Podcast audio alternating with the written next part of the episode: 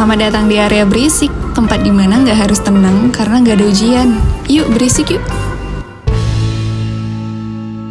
Guys, welcome back to another episode of podcast Berisik with me, your host Lestari Mai. Alright, uh, this this episode is is quite interesting. Aku akan bilang susah-susah gampang gitu, kayak uh, orang di luar sana sepertinya tuh mudah terlena gitu dengan satu persepsi kalau udah bisa at certain level then you can do this gitu. Anda bisa bekerja sebagai uh, di di profesi ini gitu. Dan uh, I don't think so because I have experienced it myself gitu. Jadi daripada kita sotoy-sotoyan gitu ya, lebih baik kita langsung tanya ke ahlinya karena hari ini kita akan membahas tentang menjadi interpreter ataupun translator. And of course, I'm not alone. I have my two amazing guest star with me here. Ada Yana dan ada Kak Rati. Halo. Halo Tari, selamat malam. Assalamualaikum.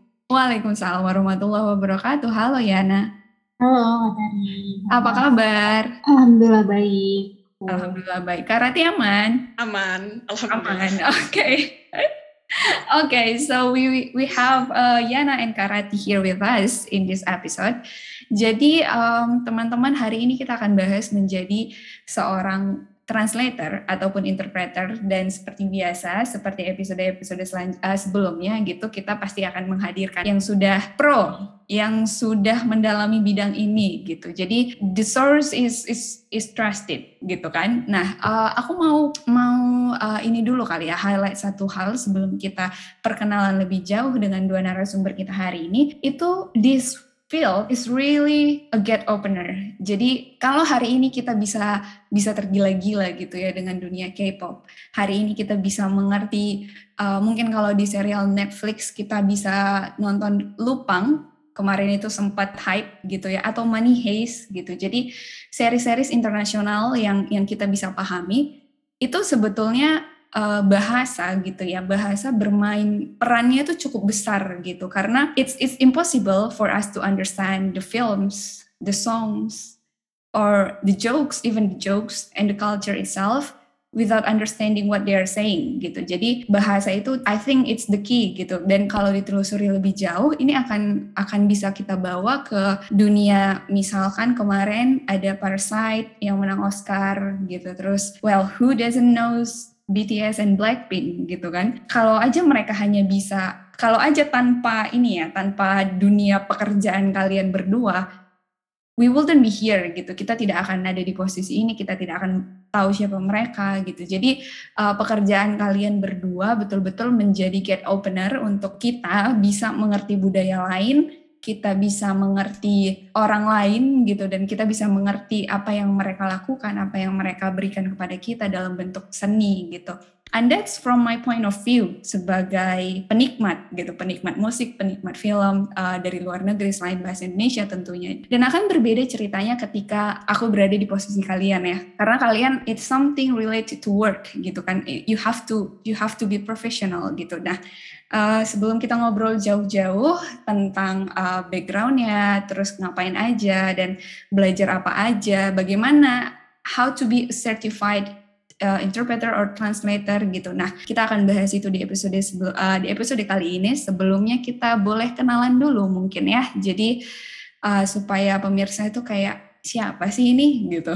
Mungkin boleh dari Karati dulu silahkan. Halo pendengar podcast berisik. Uh, nama saya Surati. Uh, saya pekerjaannya sekarang sebagai penerjemah uh, sekaligus interpreter di salah satu proyek strategis nasional yang berlokasi di Aceh. E educational background saya itu juga pendidikan bahasa Mandarin. Uh, pekerjaannya sebagai penerjemah dan interpreter dari bahasa Mandarin ke bahasa Indonesia dan sebaliknya Oke, jadi dari Mandarin ke Indonesia and vice versa gitu ya Kak Rati ya. Alright, kalau Yana, gimana Yana? Oke, terima kasih teman-teman uh, tim podcast sudah diundang di sini. Uh, perkenalkan nama aku Rabiana Nur Aulia, biasa dipanggil Lina. Uh, profesiku sebagai uh, uh, freelance translator ya, penerjemah untuk bahasan uh, untuk bahasa pasangan bahasa Indonesia dan bahasa Inggris. Oke, okay, jadi um, ini dua dua bahasa yang berbeda gitu ya. Karati itu dari bahasa Mandarin, uh, Yana dari bahasa Inggris dan uh, kedua-duanya tapi ke bahasa Indonesia gitu. Nah tadi uh, ada hal yang menarik nih dari Karati. Karati mention bahwa Karati sebagai penerjemah dan juga interpreter. Uh, bedanya apa kak? Uh, singkatnya aja kalau penerjemah itu mentranslate uh, secara teks, sedangkan mm -hmm. interpreter itu uh, menerjemahkan uh, secara lisan. Ah, oke, okay. ya, ya, alright. Jadi uh, penerjemah itu translator ya, berarti ya, seperti yang tadi aku sudah mention. Kalau interpreter itu secara lisan. Nah, berarti Yana di saat ini baru jadi translator, belum jadi interpreter, gitu ya, Yan? Iya, benar. Lebih ke dokumen aku banyak. Oke, okay, dokumen. Jadi benar-benar secara tertulis ya. Oke, okay, um, Mandarin Indonesia, bahasa Inggris Indonesia.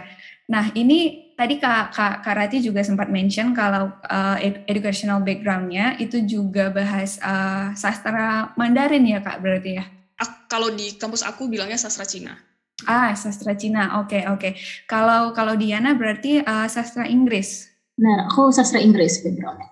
Okay. Nah, jadi kalian berdua uh, datang dengan latar belakang di Fakultas Ilmu Budaya ya biasanya ya itu di uh, di kampus gitu ya. Datang dari Fakultas Ilmu Budaya, kemudian setelah lulus kuliah itu melanjutkan dunia karirnya menjadi interpreter ataupun translator. Nah, Kak Karati juga sudah S2 di Cina ya, Kak ya? Iya, benar. Oke, okay, jadi uh, sudah sudah sudah master gitu dan juga sastra Cina berarti ya, Kak? Uh, S1-nya aku ambil sastra Cina. Mm -hmm. uh, S2-nya itu bukan jurusan sastra atau bahasa sih, itu jurusan pengajaran pengajaran uh, yang ditujukan untuk uh, siswa atau mahasiswa yang bahasa keduanya itu bahasa Mandarin gitu. Ah, oke. Okay. Jadi lebih lebih mendalam berarti ya. Iya. Oke, okay, oke. Okay. Nah, uh, berlatar belakang berlatar belakang pendidikan yang yang yang demikian gitu. Uh, kita pengen tahu dong gimana sih prosesnya supaya kita itu bisa dibilang sebagai translator dan dan juga interpreter gitu. Karena I'll share my experience first gitu. Jadi pemirsa jadi punya gambaran gitu ya. Uh, dulu di pekerjaan pertamaku aku itu diminta untuk menjadi interpreter dan itu H-1 gitu. Jadi diminta untuk jadi interpreter H-1 dari bahasa Inggris ke bahasa Indonesia dan I was quite shock gitu kan kayak aku nggak tahu apa-apa dan setahu aku dalam menerjemahkan bahasa gitu ya. Itu berbeda gitu bahasa kedokterannya pasti beda bahasa hukum berbeda bahasa olahraga juga berbeda musik dan uh, film juga berbeda gitu. Jadi kita tidak bisa mentranslatekan itu secara literal gitu. Ada terms yang memang itu uh, ada pengganti maknanya gitu. Nanti kalau kita salah translate juga jadi salah apa ya salah, ada pergeseran makna gitulah. Nah jadi I was quite confident with my English tapi not in terms of interpreting gitu. Apalagi kemarin itu kalau uh, if I'm not mistaken, it was a simultaneous interpreter. Jadi kayak simultaneous interpretation like just in in a few days gitu kan sebelum aku dikasih tugas itu. Jadi aku merasa kayak awalnya aku merasa ini ah easy peasy gitu. Kayak ketulah sih teman-teman. Jadi nggak boleh ya. nggak boleh kayak gitu gitu. Aku merasa kayak ah easy peasy gitu. Tapi setelah aku dalamin, wah nggak segampang itu karena ada terms yang ah itu apa bahasa Indonesianya ya. Terus ketika vice versa, ah itu apa ya bahasa Inggrisnya gitu. Jadi it's not as easy as you could speak fluently in English or in any other language gitu kan. Itu juga kita harus juga mengerti dari sisi bahasa Indonesianya dan juga bahasa uh, asingnya gitu. Nah, jadi boleh dong di-share ke kita uh, mungkin ke Karati dulu gimana sih perjalanan supaya kita itu bisa disebut sebagai seorang translator ataupun interpreter? Uh, mungkin kalau dari aku lebih fokus ke interpreternya kali ya. Okay. Karena uh, kalau di kantor itu memang ada tugas sebagai translator untuk menerjemahkan dokumen, tapi ada juga tugas sebagai interpreter. Cuman uh, interpreter ini uh, lebih menarik sih menurut aku kayak yang dibilang sama Tari tadi walaupun kita sudah lancar dalam satu bahasa tapi ketika kita dihadapkan disuruh menginterpret uh, untuk meeting atau untuk pertemuan itu memang tekanannya berat gitu ya. Iya yeah, betul. uh, I feel you. Uh, sebenarnya sih kalau menjadi interpreter itu kita seharusnya menentukan dulu itu kita target spesifiknya itu mau di bidang apa gitu. Ah, Tapi kalau pengalaman okay. itu tapi kalau pengalaman aku, aku tidak mentargetkan sih. Aku it flow karena aku di perusahaan pembangkit listrik ya. Jadinya setiap hari bersinggungan dengan bahasa Mandarin, kemudian setiap hari juga ikut rapat, tapi bukan dalam rangka menjadi interpreter uh, untuk mendengarkan rapat begitu. Mm -hmm. Jadi udah banyak, istilahnya sudah banyak inputnya gitu. Mm -hmm. uh, tapi memang agak kesulitannya itu kayak Tari tadi bilang itu kalau kita menjadi simultan interpreter. Simultan interpreter itu kan kita yang pembicaranya belum selesai ngomong, kita ini udah kita menerjemahkan dalam satu waktu sambil mendengar, sambil menerjemahkan juga begitu ya. Tapi itu biasanya yeah. untuk konferensi pers Aku sendiri belum pernah ada pengalaman begitu. Biasanya aku juga kalau interpreter itu aku konsekutif interpreter jadinya setelah ah. yang pembicaranya selesai, selesai. bicara. Yeah, yeah, yeah.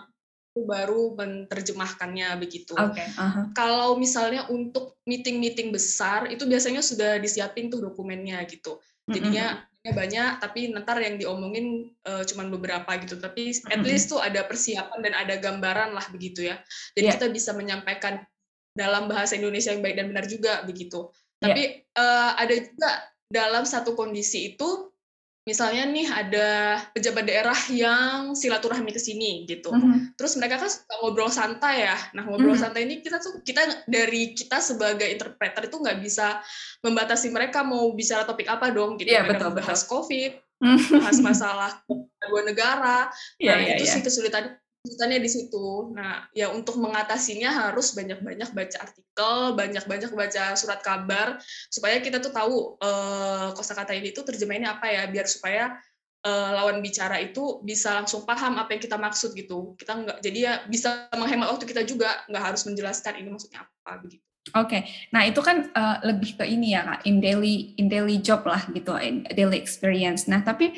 proses mulai dari lulus kuliah sampai uh, kakak akhirnya di di hire gitu ya sebagai profesional interpreter itu prosesnya gimana? Apakah kita harus mengikuti tes atau memang kayak kakak kita harus S2 dulu gitu? Kalau untuk latar belakang pendidikan nggak ada ini, nggak ada syarat harus S2 gitu. Mm -hmm. uh, S1 juga bisa kan waktu interview itu memang benar-benar uh, ya kita itu bisa ini sih harus nyambung gitu ngobrol sama orangnya. Mm -hmm. Kemudian uh, kayak interview biasa kali ya yang interview di perusahaannya juga begitu. Terus biasanya tuh ada dikasih teks. Kalau mm -hmm. Mandarin kan cara sendiri ya. Yeah, nah, kita betul. tuh disuruh baca teks itu. Biasanya teks itu berhubungan dengan industri yang kita lamar perusahaannya begitu. Nah, dari dari teks itu kita disuruh baca aksaranya, kemudian langsung disuruh menerjemahkan begitu. Ah, oke. Okay. Oke, okay, jadi jadi sebetulnya nggak ada uh, harus AB maksudnya harus misalkan kalau di di Inggris ya IELTS-nya harus sekian kayak gitu. Itu nggak ada ya kalau di Mandarin. Ada perusahaan yang uh, mensyaratkan itu juga kalau di Mandarin itu namanya itu ujian HSK, itu kan? HSK uh, apa? Han Yu Shui Ping Kao Shi Oke. Okay. ujian level, ujian level ah, untuk bahasa. Ah, iya, iya, itu kan iya. kalau zaman aku dulu ya dimulai hmm. tahun lalu kalau nggak salah jadi sampai level 9. Uh, zaman aku dulu itu cuma sampai level 6. Wow. Nah, uh, biasanya tuh perusahaan mensyaratkan kalau perlu HSK nih, perlu uh -huh. HSK tadi biasanya mensyarat untuk uh, sudah lulus HSK 5 gitu atau sudah lulus HSK 6. Nah, HSK 5 itu biasanya uh, sudah menguasai 2.500 aksara bahasa Mandarin. Kalau okay. HSK 6 itu dua kali lipat, satu kali lipatnya ya, uh, sudah menguasai 5.000 aksaranya gitu. Ah. Ada masyarakat ada enggak. Soalnya okay, okay. ada apa ya? Terkadang menurut mereka itu nggak nggak menjadi acuan gitu loh. Ah oke okay, oke okay. ya ya jadi jadi sebetulnya tergantung perusahaan yang yang kita mau lamar gitu kan. Berarti hmm. juga uh, sebetulnya tidak ada ini ya tidak ada uh, kalau bisa dibilang tidak ada pets yang benar-benar ke, kedikte gitu. Kalau mau jadi interpreter harus tang tang tang tang gitu. Tapi kamu tuh maunya gimana? Dan juga kayaknya peran kepercayaan diri kita itu bermain besar ya di sini karena kan. Ya benar benar benar. Oke okay, oke. Okay. Oke, okay, alright percaya diri sih kalau jadi translator percaya diri karena uh, aku juga ngerasanya tuh dulu kan uh, sebelum aku jadi interpreter ya mm -hmm. aku kira tuh yang udah lancar gitu kan, terus pelafalannya bagus, juga iya. memenuhi prasyarat. Pernah jumpa interpreter yang sebenarnya Mandarinnya itu bagus gitu. Mm-mm. Eh, dia juga ngomongnya lancar, tapi mungkin dia nggak percaya diri atau mungkin Mm. dia terlalu perfeksionis. Jadi Mhm. waktu dia menerjemahkan eh, secara lisan itu kayak mungkin overthinking kali ya gitu. Jadinya nggak nggak nggak berhasil nerjemahin gitu loh. Ah, oke, oke. Jadi, Nggak eh, confidence juga gitu. ya, oke. Sudah punya gambarannya karena kalau kalau interpreter gitu ya, mau itu simultaneous atau consecutive, itu memang ada seninya tersendiri karena kita berhadapan dengan emosionalnya orang gitu, berhadapan dengan sisi eh, secara langsung gitu. Beda dengan dengan dokumen gitu kan. Kalau dokumen kita bisa koreksi, tapi kan kalau kita ngobrol sama orang kita nggak mungkin bilang, eh, eh nggak nggak nggak tadi maksudnya nggak gitu, salah gitu kan. It's that's not appropriate gitu. Ya, jadi kalau eh, jadi interpreter itu tekanannya bukan cuman menguji kemampuan bahasa kita, tapi juga menguji mental ya. Ya, Karena betul. waktu kita mau menerjemahkan eh, ke dalam bahasa Mandarin itu orang-orang karyawan Cinanya itu udah kayak nunggu-nunggu nih apa nih kira-kira orang Indonesia ngomong kebalikannya juga begitu pressure-nya sih di situ apalagi waktu kita terjemahin terus ada yang ngerut dahi gitu loh sebenarnya ngerut dahi itu karena bukan karena hasil terjemahan kita tapi karena jawaban dari lawan bicaranya cuman kita baper duluan kan jadi Ya, ya, ya, ya. oke, oke. Jadi pressure-nya itu berasanya di mentalnya gitu ya. iya benar. Karena secara langsung ketemu gitu, langsung ketemu. Jadi kita berasa emosinya. Nah, eh, itu secara obrolan ya dalam tanda kutip. Eh, aku yakin ceritanya akan berbeda kalau ini secara tertulis gitu. Nah, mungkin kita bisa dengerin cerita dari Yana. Gimana Yan untuk untuk menjadi seorang translator yang secara apa ya? Apakah iya kalau secara eh, untuk menjadi translator itu kamu lebih dibutuhkan kemampuannya secara technical rather than emotional gitu? Oke, iya. eh, tadi yang dibilang Karate lebih ke interpreting ya. Nah, Kalau aku lebih ke translating, sebenarnya kalau aku pribadi, eh, kalau mau flashback dikit nggak sengaja masuk ya ke industri ini. Eh, jadi Mm-mm. awalnya karena di kuliah tuh, ya kalau di eh, sering banget diminta tolong translate sama teman dulu, karena mungkin punya teman dari berbagai fakultas ya jadi kadang eh, pas dulu inget banget menjelang kayak skripsi gitu-gitu pasti ada aja yang minta tolong tolong translate abstrak ya gini-gini gitu. Itu Hmm. sering banget. Jadi awalnya dari situ sebenarnya kenal sama. Mungkin karena emang pas kuliah tuh ada matkul dasarnya jadi emang dapet kan business Inggris uh, di kampus tuh dapet uh, matkul. Dasar satu penerjemahan sempet juga ngerasain dari senior gitu uh, project translate uh, subtitle, subtitle TV series ya satu cuma satu dua episode aja sih dia dari Hmm. situ sebenarnya sengaja Hmm. dan ternyata pun nge-relate tugas akhirku pun akhirnya ngambilnya dari tentang penerjemahan juga jadi aku nge-analisis waktu itu em, metode penerjemahannya si penerjemahnya buku Harry Potter. Ah, oke, oke. jadi dari situ masuk lah mulai sebenarnya aku mulai baru mulai seriusin baru hampir dua tahun terakhir ini sih jadi secara nggak sengaja tadi dari kayak kayaknya seru nih habis eh, pernah translate abstrak juga pernah tadi ada pengalaman uh, subtitling juga jadi dari situ mulai masuk kalau untuk interpretingnya emang aku sendiri belum pernah explore sampai sana karena emang tadi dibilang karate sama katari juga udah sempet sebut juga ya itu emang challenging banget sih untuk uh, Mm-mm. interpreting.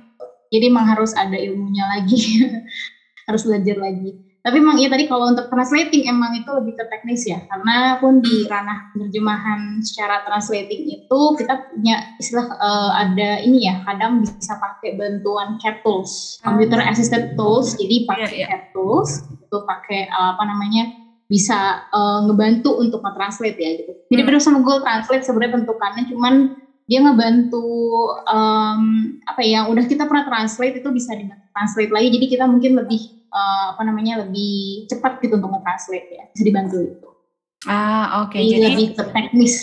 Iya, iya. Dan dan untuk jatuh gitu ya, aku bisa bilangnya jatuh ke ke ke field yang ini pun secara bukan keinginan dari awal gitu kan. Karena kan tadi jadi dari sastra Inggris terus ter- akhirnya selama proses gitu perjalanannya justru diminta untuk nge-translate beberapa dokumen tadi termasuk TV series ya. Iya pernah Dan Itu masih dan masuk di sini banget zaman kuliah oke, jadi Pas masih zaman udah banget.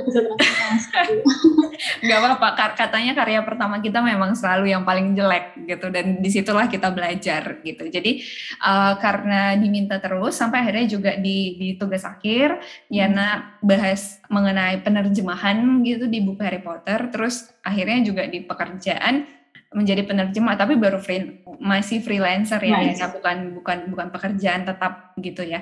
Oke. Okay. Uh, ada dua sih emang Kak jadi hmm. emang ada yang bekerja kayak karate modelnya yang uh, akan bekerja di kantor atau in-house biasanya kita sebutkan istilahnya in-house translator atau ada hmm. yang freelance jadi mereka per project aja.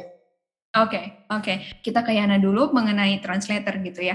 Kalau tadi Yana sempat translate film, eh TV series, terus juga sebelumnya pernah diminta untuk nge-translate dokumen sama senior gitu. Nah, itu kan dua hal yang berbeda ya, dua dua aspek yang berbeda gitu. Jadi seperti tadi yang aku bilang gitu, kita menger, uh, kita tuh tahu tentang K-pop, kita tuh tahu tentang uh, money heist dan segala macam itu kan karena kita baca gitu kan, kita ngerti plotnya, kita kita mengerti apa yang mereka sampaikan. Nah, itu artinya uh, si penerjemah nih juga harus mengerti budaya mereka. Nah, itu kalau kamu tuh me melihat dan menanggapinya tuh gimana sih belajar bahasa bahasa itu ah, tidak hanya tentang belajar kayak uh, secara gramatikal gitu kan. Tadi kalau kamu pasti akan memposisikan diri kamu tuh berbeda ketika kamu mentranslate TV series karena kan ada slang-slang yang terlalu baku gitu. Misalkan kita mau hmm. translate ke bahasa Indonesia gitu, uh, terus kita pakai susunan uh, subjek, predikat, objek gitu kan. Kayak saya sedang makan di dapur. Kayak itu kan kalau kita baca teks itu di movies atau di TV series kayak kita kayak kayak kita ada perasaan nggak sampainya gitu. Kayak apaan sih? Masa kita harus baca? Kayak seolah-olah kita tuh lagi belajar bahasa Indonesia di film itu gitu pak. Nah artinya kan slangnya berbeda dan itu kan vice versa. Kamu nggak cuman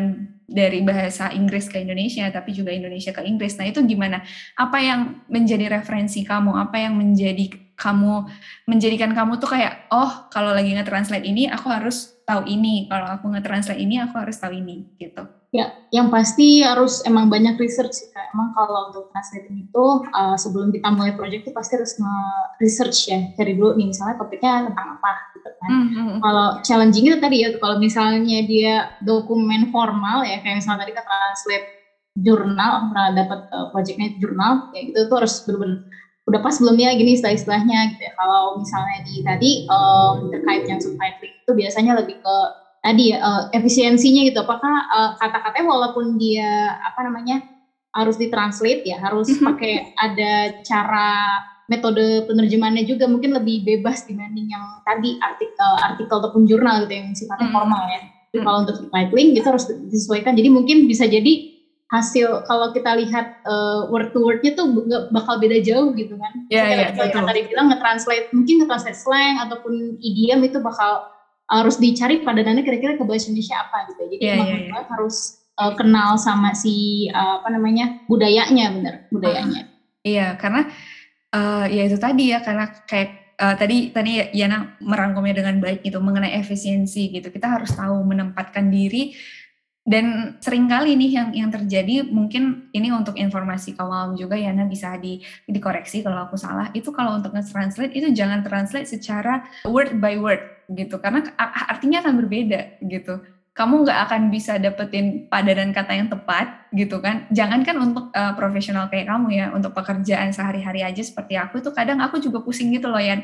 Ini aduh ini nggak translate-nya apa. Dan sering kali, sering kali akhirnya aku uh, misalkan aku menulis email gitu kan. Karena terbiasanya menulis email in English gitu. Jadi ketika aku harus dimin uh, aku ngobrol nih sama orang Indonesia gitu sesama orang Indonesia terus aku merasa ya udahlah sama orang Indonesia ini gitu kan ngobrolnya uh, Indonesia aja di email. Tapi ternyata aku stuck gitu loh Yan. Kayak ah ini artinya apa ya? Gitu. Bukan karena songong tapi it's like aku nggak nggak punya vocab yang cukup banyak gitu jadinya. Jadi aku kayak uh, bingung. Nah itu art, itulah kenapa uh, aku tadi meng-highlight bahwa ketika kita mentranslate sesuatu kita tidak hanya belajar tentang tentang grammarnya gitu kan tapi juga uh, kita berbicara tentang budayanya kesehariannya kayak gitu. Nah itu baru translator artinya dokumen gitu kan yang tidak ada ikatan emosional di dalamnya.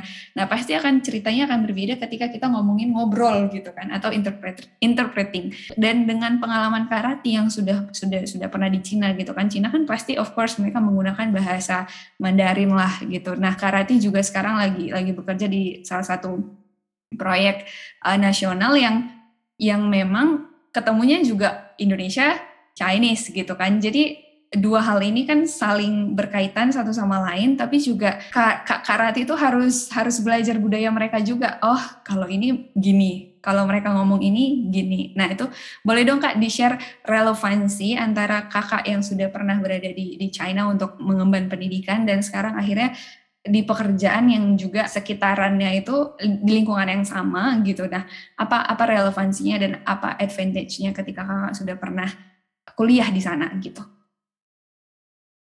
Ya, uh, advantage-nya itu kalau kita belajar bahasa apalagi bahasa Mandarin ya yang notabene uh, jarang digunakan eh enggak bukan jarang digunakan ya lingkungan kita juga nggak ada yang pakai bahasa Mandarin terus kita yeah. juga uh, lingkungan kita juga nggak ada yang tulisan-tulisan Mandarin kayak gitu kita kan jadi nggak familiar gitu betul uh, jadi itu bahasanya istilahnya pasif gitu.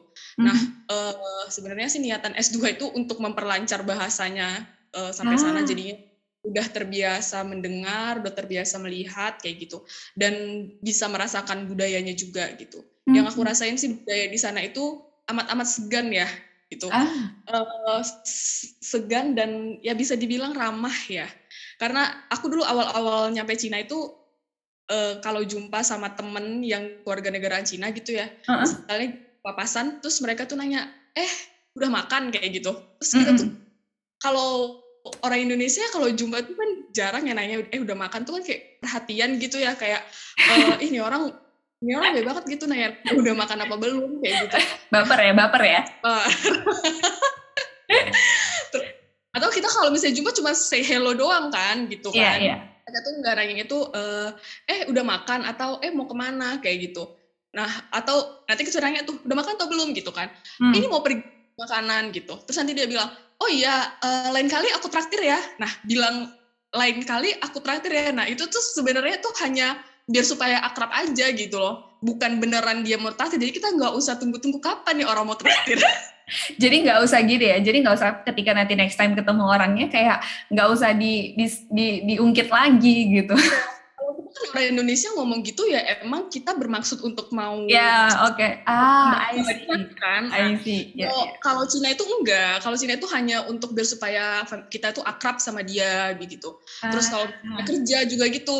Misalnya nih ada deadline nih ada deadline. Tapi mereka tuh bahasanya mesti ngomong gini udah pelan-pelan aja. Nggak buru-buru kok katanya gitu. Hmm. pelan-pelan aja nggak buru-buru. 10 menit kemudian nanya lagi. Udah sampai mana? Gitu. Jadi itu hanya apa ya kayak uh, menghib apa ya namanya menyemangatin aja sih gitu. Ah, Tapi okay. sebenarnya mereka suka kerja cepat. Mm -hmm. uh, itu ya kata-kata kayak udah pelan-pelan aja nggak buru-buru kok itu hanya menyemangati aja sih. Jadi uh. uh, kalau aku nggak sampai ke Cina, kayaknya aku nggak ngerti tuh yang kayak gitu. Bahkan sampai Cina aja kayak masih beberapa bulan itu kayak uh, kenapa ya mereka tuh setiap jumpa tuh nanya udah makan atau belum gitu. Terus uh. Uh, bilang aku traktir makan ya tapi yang traktir itu kayak cuma satu dua orang aja uh, ada ada dulu tuh ada kuliah pelajaran apa ya bingung aku bahasa Indonesia apa kayak pertukaran budaya gitu oke okay. internal inter internasional budaya kali ya gitu pokoknya mempelajari tentang yang aku alamin itu katanya gitu nah kata dosen uh -huh. aku mhm. memang orang-orang yang mahasiswa yang sering ke sini itu memang sering salah sangka katanya gitu Ah. Nah, karena orang Cina itu memang punya kebiasaan gitu, nggak cuman nggak cuman ke orang asing yang ke sini, ke sesama orang Cina juga gitu. Kalau misalnya jumpa tuh uh, nanya ya, udah makan atau belum gitu, uh, mau ke mana gitu. Nah ah, itu cuma okay. sebagai biar supaya akrab aja gitu. Oke, jadi ketika itu ketika di di, di Cinanya gitu karena ketika Kak, Sura, Kak, Kak Karati balik ke Indonesia, ke, terus ketemu lagi orang orang Cina dan ngobrol itu udah nggak baper lagi ya berarti ya, dan nggak nggak nunggu traktirannya lagi ya? Iya udah paham. Jadi kalau udah deadline terus dibilangnya udah ini nggak buru-buru kok gitu, nggak percaya. Nggak percaya. itu kebohongan yang nyata gitu ya. Oke, okay, dan ini menarik karena uh, kalau kalau Yana bahasa Inggris itu kan kita udah belajar dari TK kali ya, kayak kita udah belajar one, two, three, uh, fun fact ya. Nah dulu aku ingat banget ini masih ada di memoriku gitu. Uh, mamaku beliin aku poster angka lah ya. Terus itu kan ada one two three. Kalau nggak salah itu baru sampai 20 Terus aku tuh tahu one itu sama dengan satu dalam bahasa Inggris, tapi aku nggak tahu penulisannya. Terus aku pas dikasih poster itu, aku heboh banget. Ya anak umur lima tahun gitu, aku aku heboh banget. Aku bilang, mama, mah apa katanya? Ini deh, ini one, one itu apa? Karena kan aku tuh baru tahu setahu aku, aku tuh mikir gini, one itu satu, tapi kok tulisannya one gitu kayak mama ini one, eh one ini apa gitu. Padahal kan mama bilang one itu satu, kenapa jadi one? Terus kayak mamaku tuh kayak, aduh kamu tuh makanya belajar nak. one itu bacanya one gitu. Padahal beliau juga nggak tahu bahasa Inggris sebetulnya, cuman ya karena ya basic lah gitu kan. Kita tahu one, two, satu, dua, tiga gitu. Nah itu aja, itu aku merasa susah gitu. Dari situ aku aku sudah menanamkan dalam diriku bahwa oh bahasa Inggris ini beda nih sama bahasa Indonesia, bahasa Indonesia tulis gimana ya dibacanya gitu. Nah itu kan Diana, uh, kamu tuh belajar bahasa yang kita familiar sejak dari SD kali ya. Bahkan anak-anak zaman sekarang tuh mereka minta makan aja mama, mami I'm hungry gitu kan. Kita mau boro-boro gitu kan. Artinya familiarity-nya sudah semakin uh, semakin besar, awareness-nya juga semakin besar gitu. Nah beda dengan uh, karate tadi karate juga sempat mention soal ini adalah bahasa pasif gitu. Jadi uh, dan dan dan Mandarin dengan bahasa-bahasa lainnya gitu, Mandarin nggak hanya Mandarin itu punya aksara sendiri. Tadi karate juga sempat mention. Itu itu gimana kak cara how do you say cara belajarnya kali ya? Gimana cara tadi aja katanya 2.500 ada berapa aksara sih yang Mandarin punya tuh kayak 2.500 aja apakah otak tidak penuh gitu. Iya, oh ya yang tadi tuh aku mau tambahin ya, kalau belajar bahasa Mandarin dalam negeri itu dia tuh lebih ke textbook. Nah di textbook ah, Mandarin, iya, iya, iya. Textbook Mandarin itu percakapan kalau kita jumpa sama orang itu cuman ni hao, ni hao, atau ke orang yang lebih tua itu biasanya nin hao, nin hao. Nah udah sampai Cina terkejut lah gitu kan, atau mereka tuh malah ngerasa aneh gitu waktu kita bilang ni hao, ini orang kenapa bilangnya nih how gitu udah malah nggak pakai kayak gitu malah bilangnya itu eh, Sufan lemah udah makan belum gitu atau yo Cinar gitu gitu ah oke. Uh, untuk yang aksara Mandarin tadi itu ya gimana belajarnya yang aku baca sih aksara Mandarin itu ada 80 ribu sampai 90 ribu wow uh, belajarnya 80 ribu berarti 2500 tuh belum ada apa-apanya ya apa ya masih kaleng-kaleng gitu oh my goodness. Alright, oke. Okay. Terus dulu itu kalau waktu aku S1 itu ya semester uh, semester saat, sampai tahun ketiga itu ada namanya Qingxie. Qingxie itu dosen dikte dikte. Nah, hmm. dosennya bilang aksara apa gitu. Terus kita tulis tulisan aksaranya. Ah, iya iya iya, oke oke, iya. Ya, jadi cara mengingatnya sih kayak gitu ya. Dan berusaha jujur waktu Qingxie itu, waktu dikte itu jangan hmm. ada catatan-catatan kecil. Memang benar-benar kita belajar gitu. Kalau ya. kalau aku dulu tuh tulis sampai berkali-kali tuh banyak coretan-coretan gitu, tulis berkali-kali, tulis aksaranya dan kinyin kinyin itu pronunciation-nya gitu. Oh. Jadi ini tulisannya apa gitu. Terus hmm. kan di atas di atas uh, hurufnya itu ada apa ya namanya simbol-simbol gitu kan. Iya, iya, iya. Ada berapa. Nah, itu itunya juga harus ditulis berkali-kali biar supaya inget tuh itu nadanya nada berapa itu. Jadi harus tulis wow. berkali-kali. Nadanya nada uh, berapa? You mean they have like tons of tone? Ada empat nada di Mandarin itu. Ah, oke. Okay. Jadi, oke, okay, hold on, hold on. you lost me here in second, oke? Okay? Jadi Mandarin punya aksara sendiri punya honorific ya. Karena tadi sempat katanya ke, ke orang tua beda gitu kan. Punya honorific, punya tone yang berbeda. Terus punya pronunciation yang berbeda. Pronunciation yang berbeda dan, dan of course kalau kita, mereka punya aksara, kita punya uh, uh, sorry, kalau mereka punya aksara, kita juga cara bacanya kan pasti beda ya. Ya benar. Oke, okay. Kak Rati, I have one question for you. How could you survive this long? I mean, come on. like if I was you, I, I will die. Like, okay, no, no, I, I will do this. Like, no. This is a big no. Oke, okay, Karati. Oke, okay, teman-teman. Uh, I'm itu for words here. agak agak agak tricky tuh masalah nada. Soalnya beda nada, beda arti kan, gitu. Uh, terus apa namanya? Apalagi kalau misalnya ada orang Cina itu yang dia itu concern banget sama nada kita gitu loh. Ah, kayak bener-bener. Ya, ya, ya, ya, ya, ya, ya, udah tahu tuh kita lagi ngomong apa gitu kan cuman dia tuh kayak pengen benahin aja pengen pengen ah. revisi aja nada kita gitu iya, iya, betul betul Iya beberapa native tuh ada yang kayak gitu sih. Ya. Aku tuh ada pengalaman lucu ya dulu gara-gara nada ini waktu aku baru baru nyampe di Cina itu. Jadi kan bahasa Mandarin aku tuh masih uh, di bawah biasa aja kayak gitu ya. Oke, okay, sekarang uh, udah di atas rata-rata ya? Enggak juga, masih belajar.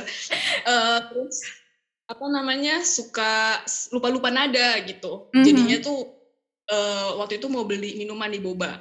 Mm-hmm. Dulu tuh di sana udah duluan hits gitu ya. Yeah. Terus uh, aku bilang nih, aku mau kalian ada es nggak ya? Gitu. Uh-huh. Nah kalau es itu nada satu.